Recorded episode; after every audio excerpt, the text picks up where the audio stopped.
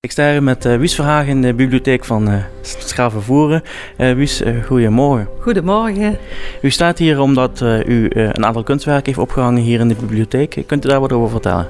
Nou, ik, ik heb de uitnodiging gekregen om hier te exposeren en het sprak me ook erg aan. Vanwege dat ik me aangesloten heb bij Kunstpodium Voeren. En mijn werken die... ik ben begonnen met heel klein schilderijtjes. En al heel vlug werd het heel groot. En dat, uh, daar haalde ik ook mijn inspiratie uit, vooral uit kleur. En uh, het werd steeds meer. En uh, wanneer bent u begonnen? Ik ben in 2009 met een heel klein doekje begonnen. In 2010 ben ik naar de kunstacademie in Maasmechelen gegaan. Toen werd mijn man ziek, ben ik moeten stoppen. En daarna heb ik de opleiding gevolgd bij Ton Hazena, Amsterdamse kunstschilder, en Tini Provo in Geleen. En toen is mijn man overleden en toen ben ik eigenlijk van mijn eigen uit, inspiratie uit, verder gegaan. En dat kan ik op dit moment het beste, gewoon omdat ik mezelf kan zijn en me daar heel prettig bij voel. En uh, als ik iemand anders om me heen heb, dan ben ik een beetje mezelf kwijt. En dat heb ik thuis niet.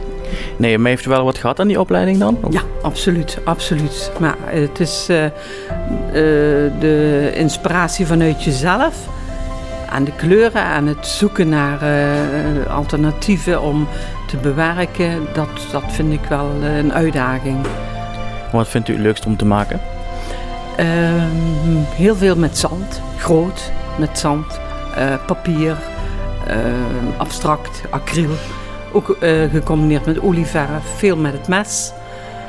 Ja, dat is toch Want uw, uh, uw schilderij of kunstwerken eigenlijk zijn geen 2D, dat, het komt iets naar voren, toch? Uh, nee, nee. Maar het is wel uh, dat het, ik verwacht er ook op dat moment niks van als ik eraan begin. Het, het ontstaat als ik bezig ben.